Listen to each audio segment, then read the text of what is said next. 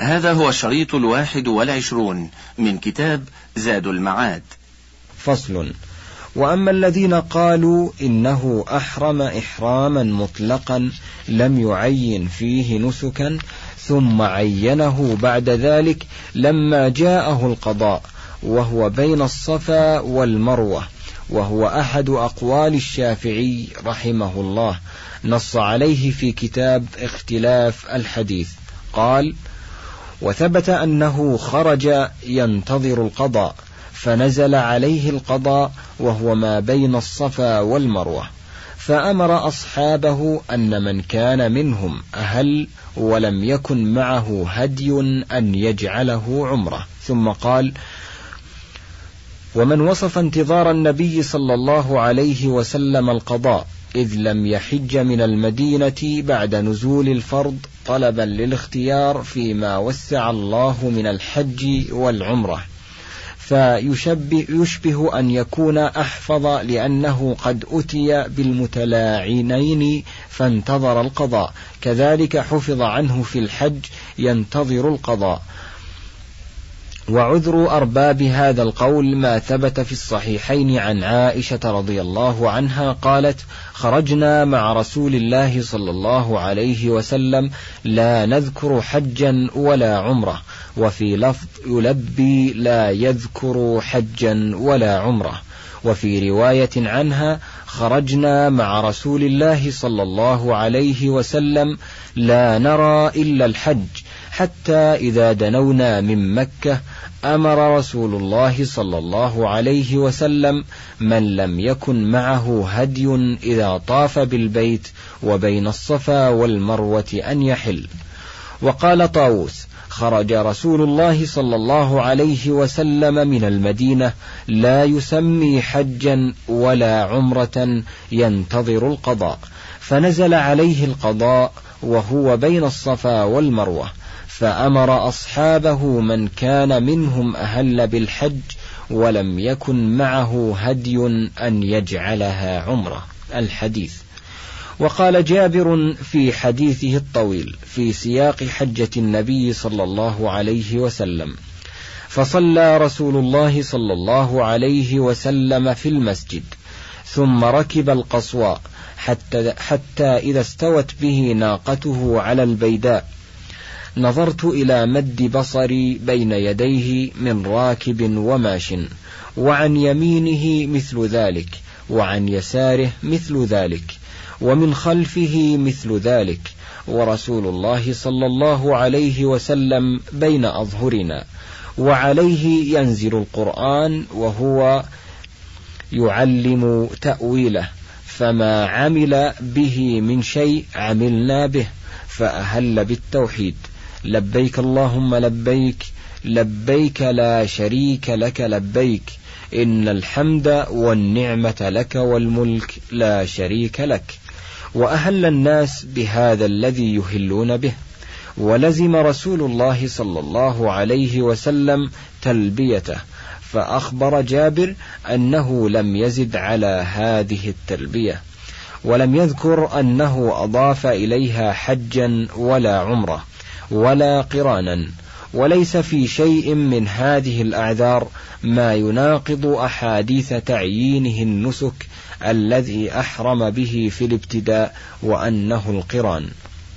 فأما حديث طاووس فهو مرسل لا يعارض به الأساطين المسندات ولا يعرف اتصاله بوجه صحيح ولا حسن ولو صح فانتظاره للقضاء كان فيما بينه وبين الميقات فجاءه القضاء وهو بذلك الوادي.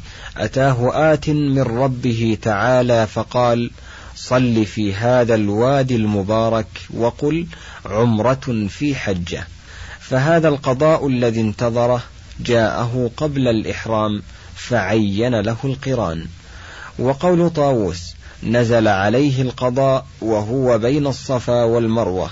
هو قضاء آخر غير القضاء الذي نزل عليه بإحرامه فإن ذلك كان بوادي العقيق. وأما القضاء الذي نزل عليه بين الصفا والمروة فهو قضاء الفسخ الذي أمر به الصحابة إلى العمرة. فحينئذ أمر كل من لم يكن معه هدي منهم أن يفسخ حجه إلى عمرة وقال لو استقبلت من أمري ما استدبرت لما سقت الهدي ولجعلتها عمرة. وكان هذا أمر حتم بالوحي فإنهم لما توقفوا فيه قال انظروا الذي آمركم به فافعلوه. فأما قول عائشة خرجنا لا نذكر حجا ولا عمرة فهذا إن كان محفوظا عنها وجب حمله على ما قبل الإحرام. وإلا ناقض سائر الروايات الصحيحة عنها أن منهم من أهل عند الميقات بحج ومنهم من أهل بعمرة وأنها ممن أهل بعمرة. وأما قولها نلبي لا نذكر حجا ولا عمرة فهذا في ابتداء الإحرام ولم تقل إنهم استمروا على ذلك إلى مكة. هذا باطل قطعا.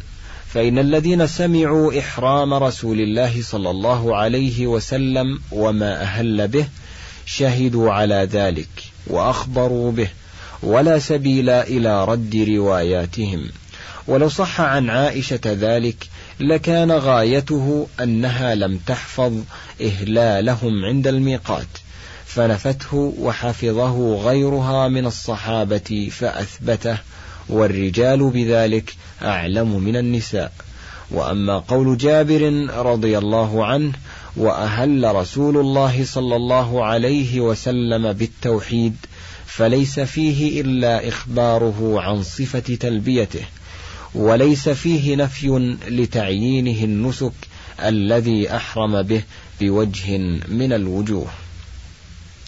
وبكل حال ولو كانت هذه الأحاديث صريحة في نفي التعيين لكانت أحاديث أهل الإثبات أولى بالأخذ منها لكثرتها وصحتها واتصالها وأنها مثبتة مبنية متضمنة لزيادة خفيت على من نفى وهذا بحمد الله واضح وبالله التوفيق. فصل. ولنرجع إلى سياق حجته صلى الله عليه وسلم. ولبد رسول الله صلى الله عليه وسلم رأسه بالغسل وهو بالغين المعجمة على وزن كفل وهو ما يغسل به الرأس من خطمي ونحوه يلبد به الشعر حتى لا ينتشر. وأهل في مصلاه ثم ركب على ناقته وأهل أيضا ثم أهل لما استقلت به على البيداء؟ قال ابن عباس ويم الله لقد أوجب في مصلاه وأهل حين استقلت به ناقته وأهل حين على على شرف البيداء. وكان يهل بالحج والعمرة تارة وبالحج تارة لأن العمرة جزء منه فمن ثم قيل قرن وقيل تمتع وقيل أفرد. قال ابن حزم كان ذلك قبل الظهر بيسير وهذا وهم منه والمحفوظ أنه إنما أهل بعد صلاة الظهر ولم يقل أحد قط إن إحرامه كان قبل الظهر ولا أدري من أين له هذا. وقد قال ابن عمر ما أهل رسول الله صلى الله عليه وسلم إلا من عند الشجرة حين قام به بعيره. وقد قال أنس إنه صلى الظهر ثم ركب والحديثان في الصحيح. فإذا جمعت أحدهما إلى الآخر تبين أنه إنما أهل بعد صلاة الظهر ثم لبى فقال لبيك اللهم لبيك لبيك لا شريك لك لبيك إن الحمد والنعمة لك والملك لا شريك لك. ورفع صوته بهذه التلبية حتى سمعها أصحابه وأمرهم بأمر الله له أن يرفعوا أصواتهم بالتلبية. وكان حجه على رحل لا في محمل ولا هودج ولا عمارية وزاملته تحته. وقد اختلف في جواز ركوب المحرم في المحمل والهودج والعمارية ونحوها على قولين هما روايتان عن أحمد أحدهما الجواز وهو مذهب الشافعي وأبي حنيفة والثاني المنع وهو مذهب مالك. فصل. ثم إنه صلى الله عليه وسلم خيرهم عند الإحرام بين الأنساك الثلاثة ثم ندبهم عند دنوهم من مكة إلى فسخ الحج والقران إلى العمرة لمن لم يكن معه هدي ثم حتم ذلك عليهم عند المروة. وولدت أسماء بنت عميس زوجة أبي بكر رضي الله عنهما بذي الحليفة محمد بن أبي بكر فأمرها رسول الله صلى الله عليه وسلم أن تغتسل وتستثفر بثوب وتحرم وتهل. وكان في قصتها ثلاث سنن إحداها غسل غسل المحرم والثانية أن الحائض تغتسل لإحرامها والثالثة أن الإحرام يصح من الحائض. ثم سار رسول الله صلى الله عليه وسلم وهو يلبي بتلبيته المذكورة. والناس معه يزيدون فيها وينقصون وهو يقرهم ولا ينكر عليهم. ولزم تلبيته فلما كانوا بالروحاء رأى حمار وحش عقيرا فقال دعوه فإنه يوشك أن يأتي صاحبه. فجاء صاحبه إلى رسول الله صلى الله عليه وسلم فقال يا رسول الله شأنكم بهذا الحمار فأمر رسول الله صلى الله عليه وسلم أبا بكر فقسمه بين الرفاق. وفي هذا دليل على جواز أكل المحرم من صيد الحلال إذا لم يصده لأجله. وأما كون صاحبه لم يحرم فلعله لم يمر بذي الحليفة فهو كأبي قتادة في قصته. وتدل هذه القصة على أن الهبة لا تفتقر إلى لفظ.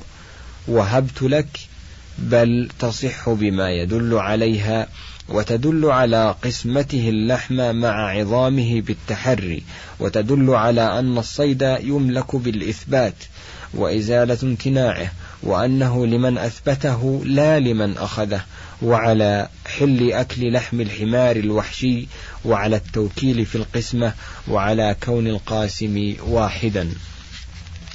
فصل. ثم مضى حتى إذا كان بالأثاية بين الرويثة والعرج إذا ظبي حاقف في ظل فيه سهم. فأمر رجلا أن يقف عنده لا يريبه أحد من الناس حتى يجاوزوا. والفرق بين قصة الظبي وقصة الحمار أن الذي صاد الحمار كان حلالا فلم يمنع من أكله. وهذا لم يعلم أنه حلال وهم محرمون فلم يأذن لهم في أكله ووكل من يقف عنده لئلا يأخذه أحد حتى يجاوزوه. وفيه دليل على أن قتل المحرم للصيد يجعله بمنزلة الميتة في عدم الحل إذ لو كان حلالا لم تضع ماليته. فصل. ثم سار حتى إذا نزل بالعرج. وكانت زمالته وزمالة أبي بكر واحدة وكانت مع غلام لأبي بكر. فجلس رسول الله صلى الله عليه وسلم وأبو بكر إلى جانبه وعائشة إلى جانبه الآخر وأسماء زوجته إلى جانبه.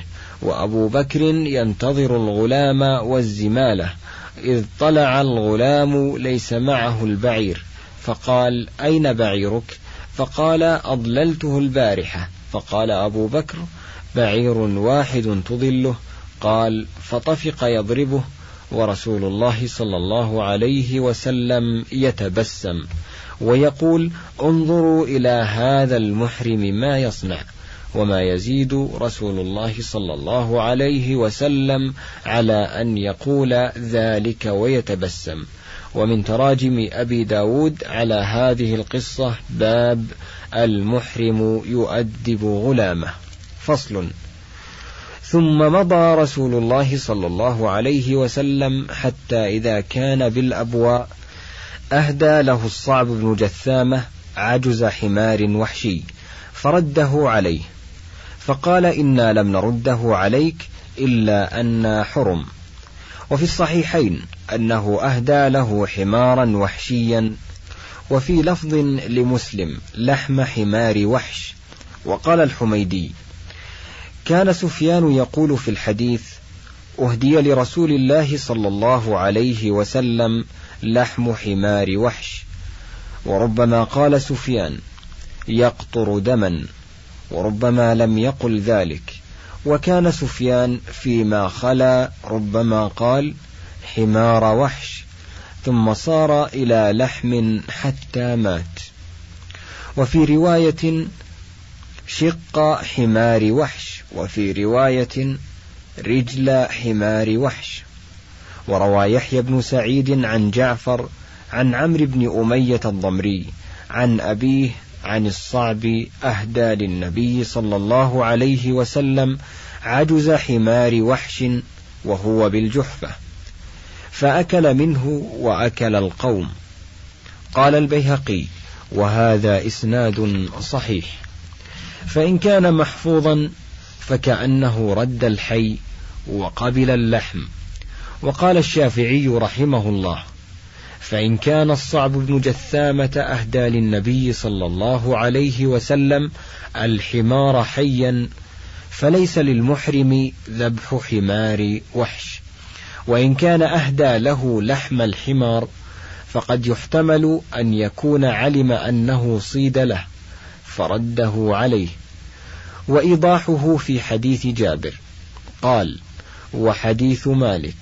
أنه أهدى له حمارا أثبت من حديث من حدث أنه أهدى له من لحم حمار.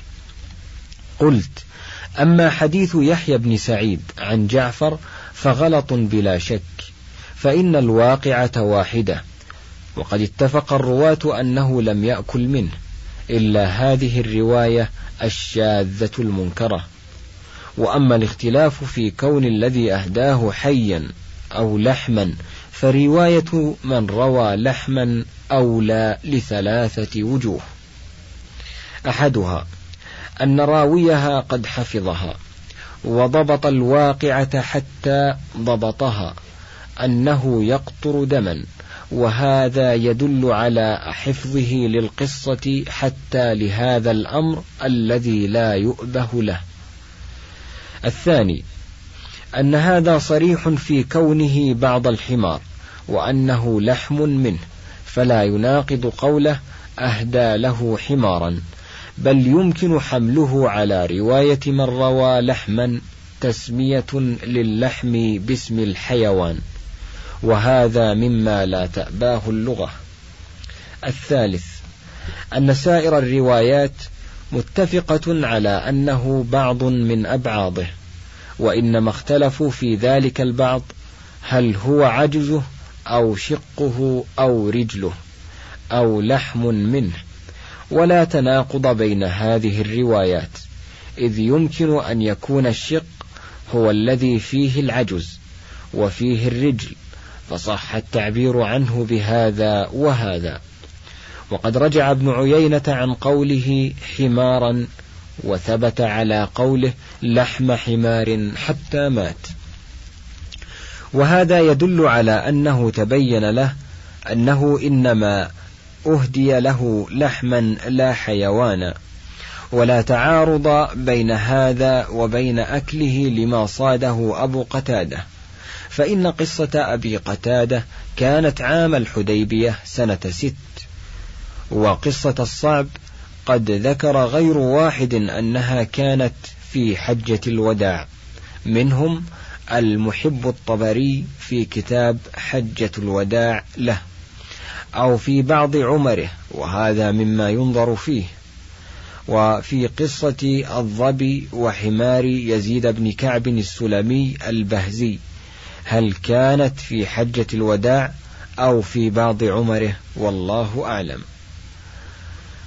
فإن حمل حديث أبي قتادة على أنه لم يصده لأجله وحديث الصعب على أنه صيد لأجله زال الإشكال. وشهد لذلك حديث جابر المرفوع صيد البر لكم حلال ما لم تصيدوه أو يصاد لكم. وإن كان الحديث قد أعل بأن المطلب ابن حنطب راويه عن جابر لا يعرف له سماع منه قاله النسائي. قال الطبري في حجة الوداع له فلما كان في بعض الطريق اصطاد أبو قتادة حمارا وحشيا ولم يكن محرما فأحله النبي صلى الله عليه وسلم لأصحابه بعد أن سألهم. هل أمره أحد منكم بشيء أو أشار إليه؟ وهذا وهم منه رحمه الله. فإن قصة أبي قتادة إنما كانت عام الحديبية. هكذا روي في الصحيحين. من حديث عبد الله بنه عنه قال انطلقنا مع النبي صلى الله عليه وسلم عام الحديبية. فأحرم أصحابه ولم أحرم فذكر قصة الحمار الوحشي. فصل فلما مر بوادي عسفان قال يا أبا بكر أي واد هذا قال وادي عسفان. قال لقد مر به هود وصالح على بكرين أحمرين خطمه خطمهما الليف وأزرهم العباء. وأرديتهم النمار يلبون يحجون البيت العتيق. ذكره الإمام أحمد في المسند. فلما كان بسرف حاضت عائشة رضي الله عنها وقد كانت أهلت بعمرة فدخل عليها النبي صلى الله عليه وسلم وهي تبكي قال ما يبكيك لعلك نفست. قالت نعم. قال هذا شيء قد كتبه الله على بنات آدم. افعلي ما يفعل الحاج غير ألا تطوفي بالبيت. وقد تنازع العلماء في قصة عائشة هل كانت متمتعة أو مفردة؟ فإذا كانت متمتعة فهل رفضت عمرتها أو انتقلت إلى الإفراد وأدخلت عليها الحج وصارت قارنة؟ وهل العمرة التي أتت بها من التنعيم كانت واجبة أم لا؟ وإذا لم تكن واجبة فهل هي مجزئة عن عمرة الإسلام أم لا؟ واختلفوا أيضا في موضع حيضها وموضع طهرها ونحن نذكر البيان الشافي في ذلك بحول الله وتوفيقه. واختلف الفقهاء في مسألة مبنية على قصة عائشة. وهي أن المرأة إذا أحرمت بالعمرة فحاضت ولم يمكنها الطواف قبل التعريف فهل ترفض الإحرام بالعمرة وتهل بالحج مفردا أو تدخل الحج على العمرة وتصير قارنة؟ فقال بالقول الأول فقهاء الكوفة منهم أبو حنيفة وأصحابه وبالثاني فقهاء الحجاز. منهم الشافعي ومالك وهو مذهب أهل الحديث كالإمام أحمد وأتباعه. قال الكوفيون ثبت في الصحيحين عن عروة عن عائشة أنها قالت أهللت بعمرة فقدمت مكة وأنا حائض لم أطف بالبيت ولا بين الصفا والمروة. فشكوت ذلك إلى رسول الله صلى الله عليه وآله وسلم. فقال انقضي رأسك وامتشطي وأهلي بالحج ودع العمرة. قالت ففعلت فلما قضيت الحج أرسلني رسول الله صلى الله عليه وسلم مع عبد الرحمن ابن أبي بكر إلى التنعيم فاعتمرت منه. فقال هذه مكان عمرتك. قالوا فهذا يدل على أنها كانت متمتعة وعلى أنها رفضت عمرتها وأحرمت بالحج. لقوله صلى الله عليه وسلم دعي عمرتك ولقوله انقضي رأسك وامتشطي. ولو كانت باقية على إحرامها لما جاز لها أن تمتشط. ولأنه قال للعمرة التي أتت بها من التنعيم هذه مكان عمرتك. ولو كانت عمرتها الأولى باقية لم تكن هذه مكانها بل كانت عمرة مستقلة. قال الجمهور لو تأملتم قصة عائشة حق التأمل وجمعتم بين طرقها وأطرافها لتبين لكم أنها قرنت ولم ترفض العمرة. ففي صحيح مسلم عن جابر رضي الله عنه قال أهلت عائشة بعمرة حتى إذا كانت بسرف عركت ثم دخل رسول الله صلى الله عليه وسلم على عائشة فوجدها تبكي فقال ما شأنك؟ قالت شأني أني قد حضت وقد أحل الناس ولم أحل ولم أطف بالبيت والناس يذهبون إلى الحج الآن. قال إن هذا أمر قد كتبه الله على بنات آدم فاغتسلي ثم أهلي بالحج. ففعلت ووقفت المواقف كلها حتى إذا طهرت طافت بالكعبة وبالصفا والمروة. ثم قال قد حللت من حجك وعمرتك. قالت يا رسول الله إني أجد في نفسي أني لم أطف بالبيت حتى حججت. قال فاذهب بها يا عبد الرحمن فأعمرها من التنعيم. وفي صحيح مسلم من حديث طاووس عنها أهللت بعمرة وقدمت ولم أطف حتى حضت فنسكت المناسك كلها. فقال لها النبي صلى الله عليه وسلم يوم النفر يسعك طوافك لحجك وعمرتك.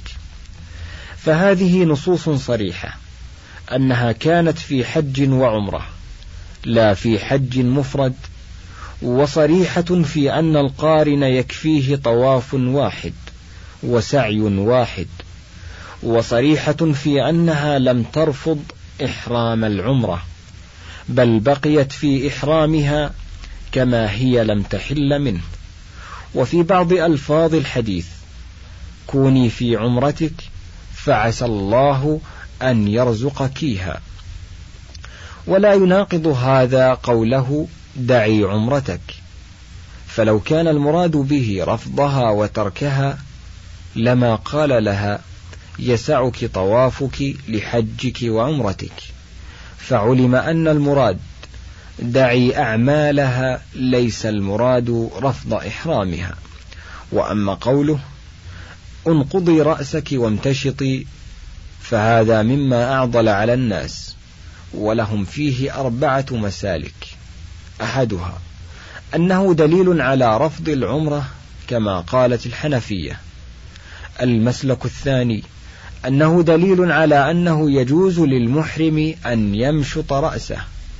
ولا دليل من كتاب ولا سنة ولا إجماع على منعه من ذلك ولا تحريمه. وهذا قول ابن حزم وغيره. المسلك الثالث تعليل هذه اللفظة. وردها بأن عروة انفرد بها وخالف بها سائر الرواة وقد روى حديثها طاووس والقاسم والأسود وغيرهم فلم يذكر أحد منهم هذه اللفظة. قالوا وقد روى حماد بن زيد عن هشام بن عروة عن أبيه عن عائشة حديث حيضها في الحج فقال فيه حدثني غير واحد أن رسول الله صلى الله عليه وسلم قال لها دعي عمرتك وانقضي رأسك وامتشطي وذكر تمام الحديث. قالوا فهذا يدل على أن عروة لم يسمع هذه الزيادة من عائشة. المسلك الرابع أن قوله دع العمرة أي دعيها بحالها لا تخرجي منها وليس المراد تركها قالوا ويدل عليه وجهان. أحدهما قوله يسعك طوافك لحجك وعمرتك. الثاني قوله كوني في عمرتك. قالوا وهذا أولى من حمله على رفضها لسلامته من التناقض.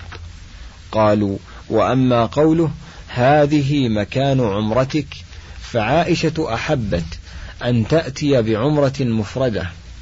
فأخبرها النبي صلى الله عليه وسلم أن طوافها وقع عن حجتها وعمرتها وأن عمرتها قد دخلت في حجها فصارت قارنة فأبت إلا عمرة مفردة كما قصدت أولا فلما حصل لها ذلك قال هذه مكان عمرتك.